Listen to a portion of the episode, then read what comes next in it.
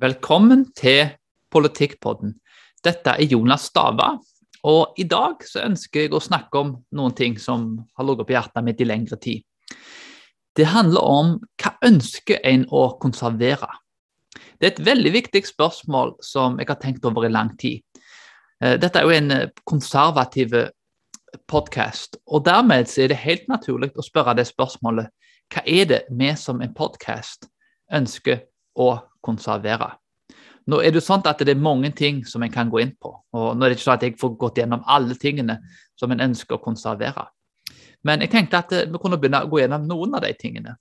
En konservativ da, er ikke altså en person som, som, er imot utvikling og imot teknologi, og ønsker da å, å gå tilbake til hest og kjerre. En konservativ er en person som ønsker å konservere visse gode ting som har eksistert før, og som har vist seg å være gode, bærekraftige verdier og ideer. Som har gjort at sivilisasjonen blir bedre, og der menneskene får det bedre, og vi får utvikling i samfunnet. Så spørsmålet blir jo egentlig ikke om man er konservative. Spørsmålet er da hva ønsker en å konservere? Og Det er et veldig viktig spørsmål, så jeg tror det kan være veldig viktig å gå inn på i dag. Noen av de tingene som jeg mener er veldig viktige å konservere. Og som nevnt så, så er ikke dette de eneste tingene, men de er noen av de tingene som er viktige. Eh, jeg har en liste med noen ting som jeg ønsker å gå gjennom. Vi begynner med ytringsfrihet. En konservativ vil bevare ytringsfriheten, altså vil konservere ytringsfriheten. Og årsaken til det er at ytringsfriheten har vist seg å være en uhyre viktig ting. Vi ser masse plasser, land, sivilisasjoner som ikke har hatt ytringsfrihet, og som da ofte er dysfunksjonelle. og altså Det har en ødeleggende effekt å ikke ha ytringsfriheten.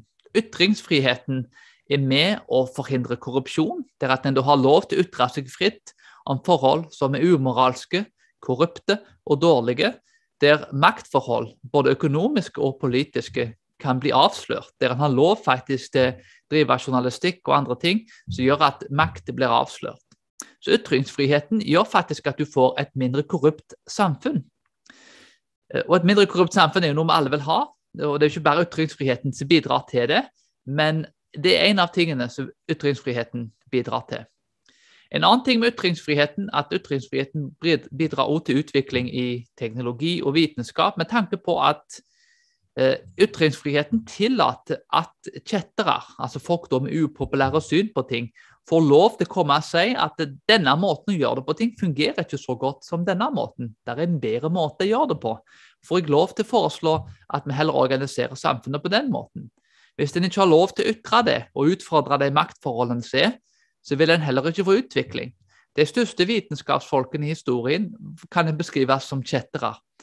En kan tenke på Galileo, da, som utfordra det, det, synet på vitenskapen som var da, og hvordan det ble erstatta med et syn senere. Men hadde da han ikke da ytra seg, så, så, hadde heller ikke utviklingen kanskje kommet så tidlig. Nå var det jo betraktelig mindre ytringsfrihet kanskje på Galileos tid, og han ble jo da delvis sensurert, til tross for da at det, det vel ofte er sterkt overdrevet, det, det som skjedde med han. Men uh, igjen, ytringsfriheten er viktig. Den er viktig for utvikling, og den er viktig for andre ting. En ting som også er viktig å huske på med ytringsfriheten, er det at uh, den er også veldig viktig fordi at en vet ikke alltid hvem som vil få rett i framtida. Det kan være fem stykker som ytrer seg fritt. Og i forkant er det ikke alltid godt å vite. Jeg tror veldig få folk hadde forutsett seg Jeg har snakket med folk som mye gamle folk, jeg jobber i helsevesenet en god stund. Og husker En sa, og flere andre jo faktisk utenom han, men det var en spesielt som påpekte, han var over 100 år gammel, at uh, du hadde ikke trodd det, hvordan det var for 100 år siden. Han kan, han, hadde, han kan ikke tro nesten at han bor i det samfunnet med datamaskiner og andre ting. Dette var en mann da som, som var vant til med hest og kjerre, og så går han til iPad og et teknologisk samfunn i 2021. Så du kan tenke deg den overgangen. Men mange av disse tingene hadde ikke vært mulige uten man hadde i hatt en viss grad av ytringsfrihet, der folk fikk lov til å si det er mye måter å gjøre det på. Og historien da viser hvem som får rett. Vi vet ikke alltid i forkant hvem som får rett når de ytrer seg fritt om en ting. Det kan være den ene parten får rett, men det kan være den andre parten får rett. Og med tanke på at ingen vet det, så gjør ytringsfriheten da at uh, sannheten ofte får lov til å vinne fram, til tross for da det er jo ikke alltid det som skjer. Et argument for ytringsfriheten er jo nettopp det at uh, la oss se på de plassene i verden der det ikke er ytringsfrihet. I den islamske sivilisasjonen, og du ser mange land med diktatorer som kanskje også har delvis ytringsfrihet. Eh, det er en kobling mellom veldig mye korrupsjon og lite ytringsfrihet. Dette er en veldig skadelig ting. Og ytringsfriheten er ikke det eneste som sagt som kan forhindre det, men det er da en av flere ting som alle konservative bør være med å konservere. Den andre tingen da er samvittighetsfrihet. Og jeg vil bare si at eh, alle de verdiene som jeg nevner nå, er opplysningsverdiene, som jeg kaller de. Jeg kommer etterpå til å gå inn på de jødisk-kristne verdiene. Og eh, jeg går inn på disse to tingene fordi at eh, jeg regner Vesten som en sivilisasjon, som Michael Novak, en forfatter, sa. Det er en fugl med to vinger som flyr på hver av vingene. Den ene vingen da er jødisk-kristne verdier, da, eh, den åpenbaringen som vi finner i Bibelen. Og den andre vingen da er fornuften, altså filosofien. Og vi trenger begge de to tingene for å bære sivilisasjonen. Og Dermed da så kommer jeg god til å gå inn på, videre gå inn på opplysningsverdiene og de jødisk-kristne verdiene. Jeg mener vi trenger begge deler, og vi trenger bevare og konservere begge deler for å få en bærekraftig utvikling i framtida.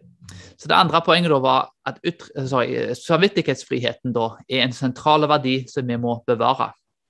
Vi har en samvittighet, og vi har også heldigvis til en viss grad iallfall samvittighetsfrihet.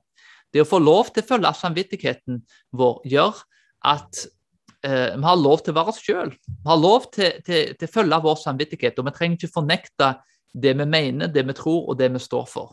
Og Norge må jo sies, sammenlignet med mange andre land i verden, å være et land der i stor grad en har lov til å følge samvittigheten sin. Og Det er en bra ting, det er en viktig ting, og det er en bra ting. Og det er en ting som vi ønsker å konservere. Eh, den neste tingen blir da religionsfriheten. Religionsfriheten er noe som har ligget på mitt hjerte i lengre tid. og Vi ser jo egentlig både ytringsfriheten, samvittighetens og religionsfriheten. Disse henger jo sammen. Og i den amerikanske grunnloven, da, konstitusjonen, der ser du faktisk i det første amendment, det første de skrev, da, den første delen av grunnloven der, er faktisk eh, Eh, retten da til, til, til å ytre seg religionsfriheten. Eh, så de satte først fordi at det er en ufattelig viktig frihet. Og den friheten handler jo da ikke om retten til å, å tilbe den guden som du vil i ditt gudehus, eller praktisere ditt livssyn. Det handler faktisk om retten altså I Amerika altså, er det 'to exercise religious freedom'. altså Det er altså praksisen, altså utøvelsen av religionsfriheten. Det betyr svært lite at noen har, har lov til å tilbe hver søndag, og resten av uka så har de ikke lov til å praktisere den troen sin. Men religionsfrihet handler faktisk om at en har lov til å utøve sin religion og leve ut det livssynet som den religionen tilsier. Og sann toleranse vil jo da være å si du har den religionen, jeg har denne, men jeg tolererer deg. Jeg tolererer deg til tross for jeg er veldig uenig med det du tror, og gjennom om du er religiøs eller sekulære. Så religionsfriheten er viktig, eller en kan gjerne også si, en kan kalle det livssynsfrihet. Vi som eh, konservative bør være veldig opptatt av å konservere religionsfriheten og livssynsfriheten. Vi vil også at humanetikere, artister, i stor grad skal være eh, frie da, til å kunne utøve sin eh, trosfrihet og sitt livssyn eh, i hvilket format som passer de best.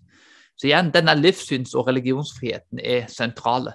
Hvis vi ikke kan følge vår overbevisning med hensyn til livssyn og religion, så vil det i stor grad ende opp med å fornekte seg sjøl. Og Det har vist seg gjennom historien at uh, det å angripe folk og, og, være intolerante mot folk som en er uenige med, i plassen for å argumentere med dem og møte dem i debatt og diskusjon, uh, har vært en veldig destruktiv ting. Vi ønsker å argumentere med folk, vi ønsker å legge fram saklige, gode og fine argumenter mot folk på en høflig, respektabel måte. En kan være direkte, en kan angripe det de står for, men en bør unngå personangrep og eh, ja, usaklig atferd. Til tross for ingen av oss selvsagt er perfekte, så, så, må vi strekke oss imot det. Jeg vil si at For min del så mener jeg at ytringsfriheten, samvittighetsfriheten og religionsfriheten bør være veldig brede og godta mange ulike ting.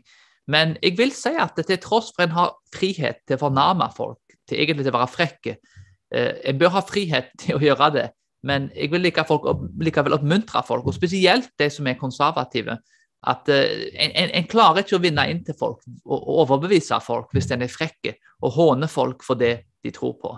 La oss prøve så godt vi kan, til tross for våre vår mange feil som mennesker, og strekke oss imot å være høflige og siviliserte og legge fram saklige argumenter og beskrive til folk hva en ønsker å vektlegge, uten å håne folk. Da tror jeg alle hadde fått en mye bedre samtale, og religionsfriheten hadde blitt mye bedre for alle. Den fjerde opplysningsverdien da er jo jeg kan gjerne si, menneskeverd eller menneskerettighet. Eh, menneskerettigheter. I dag så er jo det et ufattelig utvatna begrep. Altså, Hva er menneskerettigheter i dag? Eh, det er alt eh, skulle jeg si, ifra, Det kan være alt ifra den iboende menneskerettigheten i deg selv til abort, LGBTQ og, og masse andre ting. Det er jo en diskusjon da, hva, hva det er egentlig å, å ha en menneskerettighet. Jeg mener at en bør egentlig i stor grad innskrenke Eh, jeg mener at livssynsfrihet og samvittighetsfrihet bør inkludere at mange ulike grupper bør få lov til å leve ut det de tror på. Men, men, men, en menneskerettighet må vel handle om at ethvert menneske har et iboende verdi og menneskeverd. Som, som, kristne så mener vi at Gud har skapt oss i sitt bilde, og, og Jesus død for oss. og Dermed også har vi verdi pga. det. Men det er jo en god filosofisk argumentasjon for disse tingene der menneskerettigheter kan argumenteres ut ifra eh, både filosofien og fornuften. Så vi trenger begge deler for å komme med gode argumenter. Det femte som vi ønsker å eh, bevare og konservere etter menneskerettighetene, er maktfordeling. Eh, maktfordeling handler jo i stor grad om desentralisering og fordeling av makt. Fordi menneskenaturen er ikke god innerst inne. Menneskenaturen er en blanding av godt og ondt. Og Dermed så, så, må en sette opp strukturer som gjør at et maktmenneske ikke kan komme inn og få tak i alt makten. En må desentralisere makt og fordele makt. At folk har mulighet til, til å låse hverandre av. Sånn at et stort flertall må faktisk legge fram saken sin og overbevise den andre parten før de da kan få ting gjennom. Det er ikke én person som skal komme inn og ha all makt. Maktfordelingsprinsippet har vært en veldig fin og god ting som vi ønsker da å konservere. Og Alt som er med å bevare det prinsippet, er noe som alle bør være med å verdsette. En annen ting er jo da den norske velferdsstaten. Det er jo en, en ting da som eh, er sikkert er litt debatt om. Litt andre syn blant konservative i Amerika på de tingene. Men uh, ulike land er ulike, og Norge er, har jo i hvert fall historisk sett vært et veldig homogent land med en veldig eh, ja, homogen og, og like kultur så gjør en velferdsstat mulig, uh, til tross for det kanskje ikke hadde vært like mulig i alle andre land, som, som, er mye større og kanskje mer flerfoldige. Men uh, hva en velferdsstat er, og hvordan det bør praktiseres Jeg vil si først at jeg er ganske uenige i måten den dagens velferdsstat fungerer på. Jeg mener at den burde sette større krav til folk, at det har blitt for mye rettigheter og for mye krav og plikter.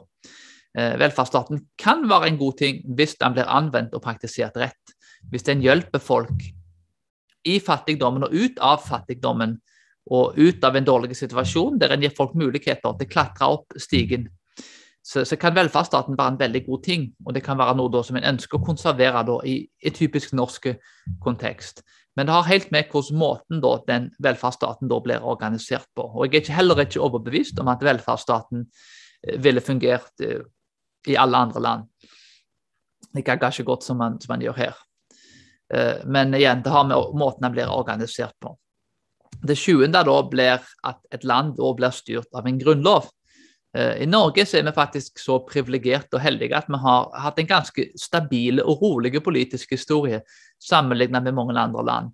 Vi har faktisk, eh, etter mitt beste minne da, i, i boken 'Gud og grunnloven', så var det et essay der, tror jeg, en artikkel av, av Henrik Syse, en filosof som Hvis jeg ikke husker helt feil, så, så var Norge den ant lengste Grunnloven i, altså, som vart lengst da, uten å blitt eh, fornya eller forandra på, i hvert fall i den samme graden da, som, som andre som har skrevet helt nye grunnlover. Nummer to lå etter Amerika. Amerika sin har jeg lurer på det er 1789, da, der han ble helt ferdig mens vår da er 1814. Så vi har en veldig tidlig grunnlov som har vart lenge, og det har vært lite politisk uro sammenlignet da, i hvert fall med mange andre land.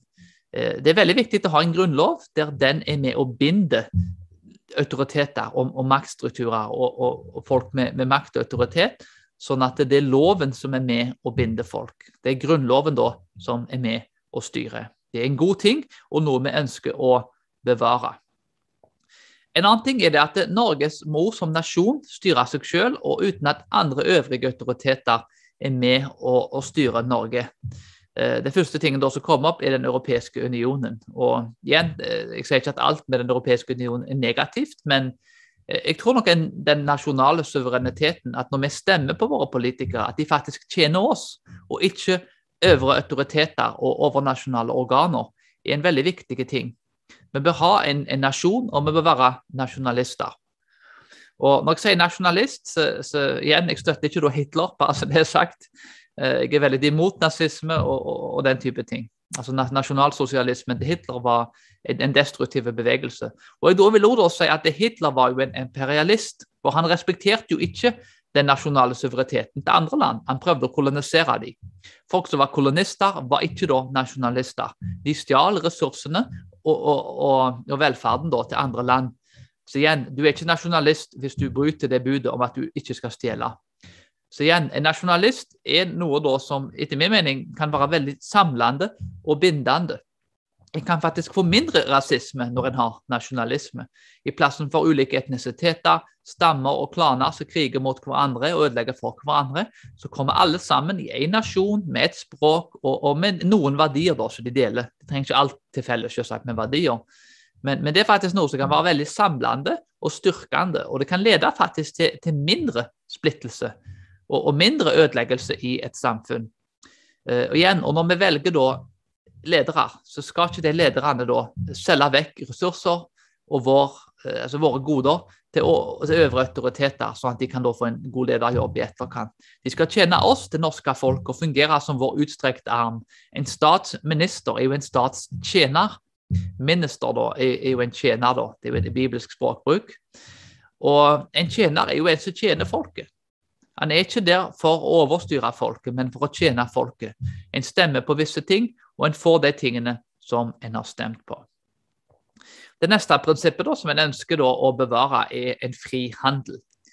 Eh, en fri handel da, betyr ikke da, at de store bedriftene flytter alle jobbene til utlandet, sånn som har skjedd i stor grad i Amerika og, og til en viss grad i Norge. Eh, det betyr faktisk at igjen, nasjonalismen gjør at uh, en har faktisk en forpliktelse til å gi noe tilbake til det landet som var med og gjorde en rike. Og uh, mye av det som skjer i dag rundt frihandel, er en veldig negativ ting. Frihandel i seg selv er, er, noe som skaper veldig mye velstand. Uh, det er noe som har gjort at Kina gikk fra et kommunistisk land egentlig i sånn økonomisk fungerer i stor grad som et kapitalistisk land. Og har gjort Kina veldig rikt. Det har gjort mange asiatiske land veldig rike og det har gjort Europa og Amerika veldig rik. Så fri handel etter min mening er nødvendig og en drivkraft for å skape velstand i et samfunn. Det betyr derimot ikke at det ikke skal være fordeling, og at det ikke skal være krefter på, på venstresida som òg er med å tilrettelegge for at arbeideren og den svake da, er med og får sin bit av kaka. Igjen, den diskusjonen hvor den balansen går, skal ikke jeg gå inn på akkurat nå. Men en må huske på at frihandel er med og er drivkraften som er med og driver økonomien i et land. Det skaper jobber, det skaper velstand, det øker GDP-en. Uh, eh, goods and services produced. Uh, det er med og, og, gir et land velstand. Og dermed også er nødt i stor grad til å ha frihandel for å øke da, velstanden i et land. Jeg må ikke si at du har fordeling, men igjen, det er en diskusjon da, hvordan en gjør dette på en balansert og effektiv måte. Det tiende, eh, den verdien eller prinsippet, eller hva du vil kalle det, er et representativt demokrati. En, igjen, det har gått litt inn på at En velger ledere som er med å representere oss. I dag så føler jeg ofte at, eller ser jeg ofte at ledere virker ikke til å representere det norske folket eh, i, i, stor grad. Det virker ofte at det var overnasjonale organer som sitter og styrer. Eh, det har blitt diskutert å innføre et direkte demokrati. Jeg vet ikke hvordan det hadde gått, men de hadde jo det gamle Hellas, og sikkert på godt og vondt. De hadde gode ting og dårlige ting som kom med det.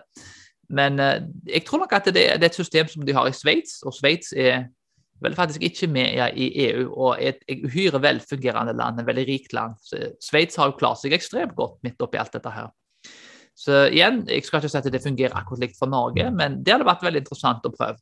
Da hadde en blitt kvitt en del av politikerne, og så hadde en fått makta direkte til folket. Litt mer jobb for hver person å sette seg inn i ulike saker og stemme på ting, men eh, jeg tror absolutt at det er et system som en, burde i hvert fall vurdert å prøve i disse dager, når det er blitt så enormt mye korrupsjon i politikken og så mye upålitelige politikere. Så det var opplysningsverdiene fall, som, eh, som, jeg ønsker å konservere. Igjen, Det var ikke de eneste verdiene som vi kunne tatt opp, men jeg mener at eh, de fornuftsbaserte og filosofiske verdiene som jeg har nevnt her, er viktige verdier som, som jeg mener vi bør videreføre. Eh, og iallfall være seine om å forandre. Å være konservative betyr ikke at en ikke vil ha forandring, som nevnt. Men det betyr at en først vil finne opp bilen før en blir kvitt hest og kjerre. I dag er det ofte sånn at folk vil bli kvitt hesten og kjerra før de har funnet opp bilen. La oss vente og se til vi har funnet bedre alternativer. La oss være litt seine om å gjøre ting. La oss teste ting ordentlig, sånn at vi kan finne ut om de tingene, de nye forslagene som ble foreslått, er gode og kan vise seg å være bærekraftige i framtida. Den neste biten da handler om de jødisk-kristne verdiene. Dette blir jo da eh, mer religiøse verdier. Jeg kommer ikke til å gå inn på altså, Jeg kommer til å argumentere i stor grad eh, ut ifra hva verdiene er. Og om du ikke er religiøs og hører på dette eh, Jeg vil først si at eh, jeg mener det burde vært flere ateister som er, blir konservative. Du trenger altså ikke være religiøse for å være konservative. Nå er det jo mange religiøse som er konservative. Du trenger heller ikke være kristen for å være konservative, til tross for at det er mange kristne som er konservative. Jeg mener at disse verdiene er gode, uavhengig av om du tror på Gud eller ei. Igjen, eh, helt kjempebra hvis en tror på Gud, men igjen, argumentasjonen her er altså ut ifra et politisk syn. Enten er disse verdiene gode, eller så er de dårlige. Uavhengig av om du tror på dem eller ikke. De ti budene mener jeg er enten så er de, er de gode for utviklingen for et individ og for et samfunn, eller så er de dårlige. Jeg er ikke her for å argumentere om, om, det er sant. Altså, Jeg tror at uh, Bibelen er sann og disse tingene. Men jeg er her altså for å argumentere for at dette er gode verdier, uavhengig av om en tror på dem eller ei. Så igjen, Disse verdiene da, er det jødisk-kristne verdier som vår sivilisasjon er bygd opp på. Og jeg vil si med disse verdiene at uh, Den boka til Tom Holland, 'Dominion', og Tom Holland da, var jo en, en, en kjent uh, historiker, uh, som er var artist, jeg vet ikke hva han er blitt nå, men han skrev en veldig god bok da, om utviklingen kristendommen, bidraget kristendommen hadde hatt på sivilisasjonen. Og han skriver seg, selv som en artist, uh, opprinnelig iallfall. Nå har jeg ikke sjekket i det siste, kan si. Men, men han sier da at, han, at verdiene hans er ikke romerske, ikke greske, men de er kristne. Så han er kristen da, uten å være kristen. Så han har da i hvert fall kristne verdier og tenker kristent som, som, en, som et sekulært menneske. Så jeg tror egentlig ikke i Vesten i dag at du, du kan egentlig ikke eh, ha altså, Hvis du er blitt påvirka av vestlig kultur, av norsk kultur, så, så, er du et direkte produkt av kristendommen i sekularisert format. Og Noen av de verdiene da, som har vært med å påvirke oss, er at det, det første er jo at Gud er kilden til moral. Eh, de ti bud har vært vår moralske og etiske bærebjelke i veldig, veldig, veldig lang tid. Eh, vi går helt tilbake til i alle fall 3000 år, og så har jo da siden Norges, eh, Norge da ble kristen etter vikingtid, så har Norge blitt sterkt påvirket av disse verdiene. Og igjen, det er svært viktig da at Gud er grunnlaget for etikk. Eh, hvis Gud ikke eksisterer, da, som eh, Dostojevskij og da, de sier, beskriver disse tingene på ulike måter, men hvis Gud ikke eksisterer, så det var to russiske forfattere, så har en da lov til altså Teknisk sett da, så, så har en lov til å gjøre alle ting. Altså alt er lov. Og Det betyr ikke at eh, folk da som er artister, eh, er onde mennesker. Det er det ingen kristne som jeg kjenner som tror. Det er heldigvis mange flotte artister som er moralske, og det er umoralske kristne og religiøse folk som gjør onde ting, beklageligvis. Spørsmålet her da er om rent objektivt sett om det er mulig å argumentere for eh, moral og etikk, og at det er objektivt uten at Gud eksisterer. Og jeg vil svare nei på det uten at jeg skal gå utdype eh, akkurat hva årsakene til det er. Men det er mye god William Lane Craig, f.eks., en, en filosof som har gått grundig gjennom det. Så du kan sjekke opp hans argumentasjon der. Så igjen, om, om en eh, har et, en viss tro på Gud, eller gjerne tenker i hvert fall at eh, en kan leve som Gud eksisterer, om en da er en artist f.eks., og at en da følger de ti budene, iallfall, iallfall de seks siste budene som handler om medmennesket, så, så, vil det være en bra ting for sivilisasjonen, uavhengig av om en tror på det eller ei. Nummer to er at meningen med livet er objektivt, og er da knytta til at vi skal elske Gud og vi skal elske vår neste som oss sjøl. Vår oppgave er å reparere en verden som er ødelagt av synd, sånn rent politisk. Da, eh, En oppgave til en politiker er jo ikke da å forkynne evangeliet. Eh, det kan være oppgave til en pastor, en predikant. Men en politiker da har fått som oppgave dette er en politikk på, til å reparere samfunnet. Og om vi tror på Gud eller ei, så, er jo det en bra ting uansett. At en ønsker da å reversere de skadene som syndefallet har, har, har gjort på verden. Så igjen, meningen med livet er objektivt, og det er knytta til at uh, vi ønsker rett og slett å elske vår neste som oss sjøl. Og vi ønsker å produsere gode resultater i politikken. Igjen, politikere kan gjerne snakke mye, men en ønsker faktisk at resultatene skal bli at hvert menneske, et flertall, så mange som mulig, faktisk får et bedre liv. Det tredje prinsippet da, at uh, vi skal hate ondskap. Uh, et viktig prinsipp og en viktig ting som, som, jeg har lært av en som heter Dennis Preger, eh, det var et sitat fra Salmuden. Du kan finne dette i Salmen 97,10, altså da vi skal hate ondskap. Men eh, det er et sitat fra Talmuden at den som eh, den som er snill mot den onde, er ond mot den som er snill. Det blir kanskje den raskeste norske måten å, å oversette på. Kanskje du har hørt det før. Men uh, Talmuden da er det jødiske uh, altså en slags jødiske bibelkommentar da, på, på, Det gamle testamentet. Uh, så Det er et veldig fascinerende sitat. Altså, En skal altså hate ondskapen uansett hvor en finner den. En kan finne ondskapen hos, hos de rike, hos de fattige, hos middelklassen, hos hvite, altså alle hudfarger. Altså igjen, hos kvinner, hos menn. Der er ikke noen grupper som, som, er, som er mer eller mindre syndige enn andre. Eh, der lever ondskap i oss alle, og du vil definere det som en synd eller som ondskap. Det får selvsagt være opp til hver person etter hvilken overbevisning de har. Men ondskap er ondt uansett hvor du finner den. Og vi må fordømme den ondskapen samme hvor vi finner den. Til og med hos folk som er like godt. Det kan være folk som, som deler samme troen som oss, eller andre ting. Vi skal altså hate ondskap samme hvor vi finner den. Vi skal hate den i oss sjøl, vi skal hate den i vår egen familie, vi skal hate den i andre mennesker, og vi skal hate den ute i samfunnet. Så vi må hate ondskap og være med og, og, og, og kalle ondskap for ondskap, uansett hvor vi finner den, samme hvor godt vi liker folk.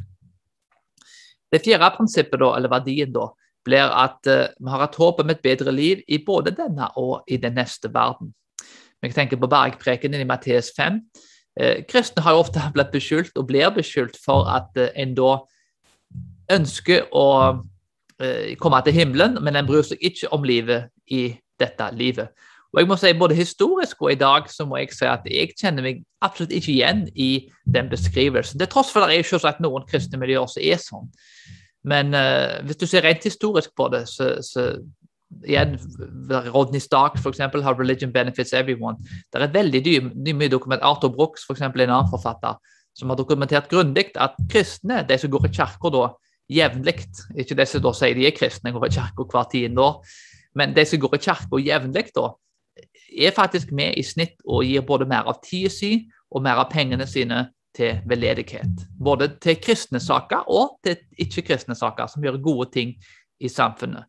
Så den kritikken da er, er, absolutt ikke sant på noen som helst måte. Vi er opptatt av det neste livet, og òg dette livet.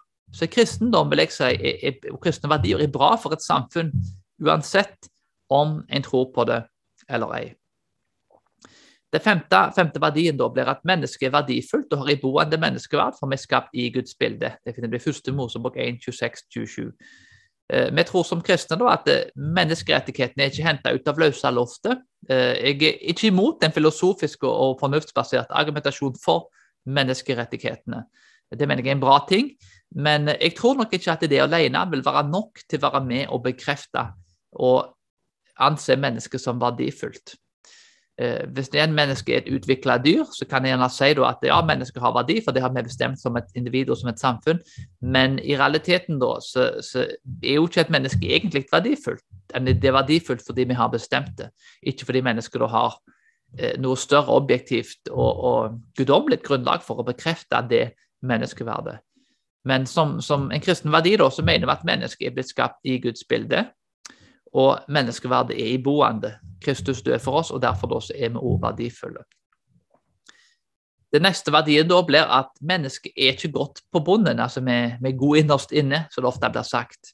Vi er en blanding av godt og ondt. Vi ser dette i Jeremia 17,11, at eh, hjertet da har, har ondskap i seg. Eh, og Det er en veldig viktig ting, for i dag så er det en, en utbredt sannhet at mennesket da er godt innerst inne. Bare vi organiserer samfunnet rett, så, så får vi nesten reversert menneskets eh, natur, som gjør da at vi, vi vil slutte å gjøre vondt. Eh, menneskenaturen er som sagt, den er ikke god, den er ikke ond, den er en blanding av begge deler. Vi kan gjøre masse godt, og vi kan gjøre masse ondt. og Jeg er temmelig sikker på at de aller fleste av oss har, har sitt, sett begge deler. Eh, men uh, det er svært viktig å huske på at uh, i historien så er det ingenting som tilsier at det mennesket er godt innerst inne. Mennesket gjennom alle sivilisasjonene har vært ondskapsfullt mot andre. Det er mye ondskap i dag. Uh, så igjen, Historien viser oss at det er ikke tilfellet. En annen ting er at hvorfor i verden har vi så mange lover? Det er en haug med lover, og lovene våre sier ikke til oss hva vi har lov til å gjøre. Det er lover hva vi ikke har lov til å gjøre. Og det er pga. at vi bryter lovene. Eh, det tredje er det at når du oppdrar barn, så trenger du ikke fortelle barn at, eh, at de må gjøre vonde ting. Det er noen barn som er bedre enn andre, og noen har en bedre natur, noen har en, en bedre miljø og mange andre ting. Eh, og tar bedre valg, for den del. Men eh, det som er med barn, er at barn velger å De lærer, det ligger i dem å gjøre både det som er godt, og det som er ondt. Du trenger ikke lære et barn å, å, gjøre vonde ting, men du er nødt i stor grad til å lære et barn til å gjøre det som er rett. Eh, noen har mer et naturlig moralsk kompass enn andre, som sagt, men eh, i stor grad da, så, så er det veldig løye ofte at oh, de ti bud er jo bud der tingen da ikke Stort sett er det tingen da ikke har lov til å gjøre. Noen bud handler også om hva en har lov til å gjøre, men igjen, det er masse bud som definerer da ting som en ikke har lov til å gjøre. Uh, og Det er pga. at mennesket er ikke godt. Og vi har ikke klart å fikse det problemet i menneskenaturen, til tross for at vi har hatt temmelig lang tid på oss gjennom historien. Jeg har sterke tvil på at teknologien og andre ting vil klare å reversere ondskapen som ligger i menneskenaturen. Systemer som sagt, og, og, god politikk kan, kan, absolutt få det beste ut i mennesket, men det klarer ikke da å forbedre mennesket. Kan, sorry, Det klarer ikke å gjøre mennesket perfekt, men mennesket da kan ikke forbedres. Det vil alltid være mulighet for ondskap i menneskenaturen. Det sjuende prinsippet da er at Gud og mennesket er hellig, og vi er i sentrum av universet. Det finner du i tredje Mosebok og flere andre plasser. Eh, vi er altså over naturen. Eh, det er ikke et argument for å misbruke og, og utnytte naturen. Igjen, Eh, det er fullt forenlig, og jeg vil sterkt oppmuntre kristne til å være eh, kanskje ikke miljøaktivister, men, men en bør være absolutt folk som er opptatt av miljøet. Gjøre det renere og få et, et bedre framtid for miljøet. Ta søppelet ditt med deg, hold ting rent. Ja, fornybar energi. Det kan være mange andre ting. Jeg skal ikke si i praksis hvordan det ser ut. Men mennesket er mer verdifullt enn natur og en dyr. Eh, det er det, skulle du si. Det, det er det klare, tydelige bibelske synet. Så vi er kalt til å være både over naturen og dyrene. Og igjen, jeg er ikke noe tilhenger av å verken utnytte eh, eller å verken utrydde og, og, og altså utnytte både natur og dyr. Eh, spørsmålet er ikke her om altså Det snakker om å forvalte ting rett på en balansert og god måte. En bør unngå ekstremene på begge sider. Men mennesket er altså hellig, og det er ikke naturen, og det er ikke dyrene. Eh, og det er ikke noe selvfølge verken før i historien eller ellers i samfunnet i dag. I dag så blir mennesket senka ned, ofte til, eh, sorry, til dyrenes og naturens nivå. Og det er ikke noe positiv utvikling. Da vil vi miste menneskeverdet og menneskerettighetene hvis den utviklingen får skje over veldig lang tid. Eh, videre så ser vi at eh, den neste verdien da er troen på at fornuften alene er effektiv uten Gud. Det er altså en, en ting som er feil. Eh, fornuften da etter min mening kan absolutt anvendes og brukes på rett måte. Eh, men eh, fornuften alene er ikke god nok til, til å gjøre folk moralske. Vi trenger å kombinere dette med den bibelske moralen, og så spesielt det ti bud. Jeg har hatt mange ateister og sekulære folk som har sagt til meg at de ti bud er gode bud, og vi trenger de budene for å få et bedre samfunn, til tross for at de selv ikke tror på Gud. Denne ideen om at uh, fornuften vår kan gjøre, oss, altså gjøre samfunnet godt, er ikke noe du finner i historien. Du finner ikke støtte for de tingene gjennom historien. Alle samfunn har brukt religion for å få et mer moralsk samfunn. Noen religioner er mer moralske enn andre. Eh, det har skjedd onde ting i, i navn og i kristendommens navn. Det er det ingen som benekter. Men hvis du sammenligner det med alternativet og hva som skjedde med kommunist-Russland, som var et ateistisk samfunn, så vil jeg absolutt si at ja, religiøse folk og kristne folk gjør onde ting, men de gjør mindre onde ting hvis, eh, enn hvis de da ikke hadde vært religiøse. Så med andre ord, kristne eh, ville vært enda mer ondskapsfulle hvis de ikke hadde vært kristne. Så En som var kristen, ja, han var ikke en bra kar, han var ikke moralsk. ja, Så sa han da at ja, men tenk hvordan det hadde vært hvis jeg ikke var kristen, hvis jeg ikke hadde hatt den bibelske moralen. Så igjen, kristne er fæle, men de er mindre fæle enn hvis de ikke hadde vært kristne.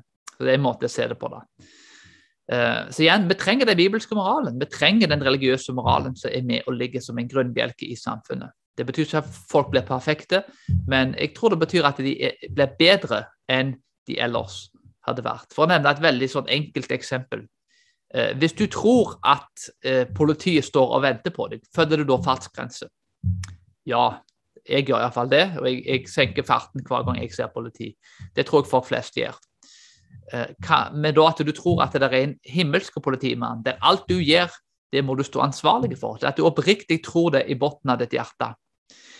Eh, vil du da handle annerledes enn hvis du ikke tror på de tingene? Og svaret på det er ja. Det vil du. På samme måte som du frykter den fysiske politien, så, så vil det være en viss gudsfrykt for uh, Gud da i himmelen, som vil være med og holde oss ansvarlige for alle handlingene vi har gjort her på jorda. Så igjen, dette er en veldig viktig ting. Vi trenger den bibelske moralen da, kombinert med filosofien og fornuften. Jeg tror absolutt at filosofisk argumentasjon og fornuftsbasert argumentasjon har sin plass, men det må være da i tillegg til den bibelske moralen. Jeg tror alene at det ikke vil holde at det skaper et moralsk samfunn. Eh, den neste verdien da blir at både det materielle og det åndelige er viktig. Dette har jeg vel gått så vidt inn på.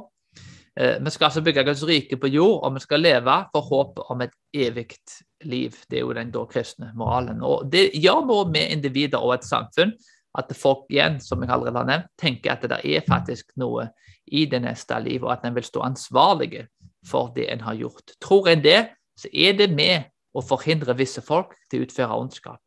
Det, det er det. Den neste verdien da blir tilgivelse hvis du har vært litt rundt omkring og reist, eh, så det er mange land der tilgivelse på ingen som helst måte er noe selvfølge. Jeg tenker når japanerne gikk i, i Nanjing og voldtok og slakta kinesere. Eh, er, jeg tror ikke det er noe tilgivelse mellom det landet denne dag i dag. Mens vi som norske har vel i stor grad, tror jeg iallfall, de fleste tilgitt tyskerne for at de jo behandla oss ganske dårlig.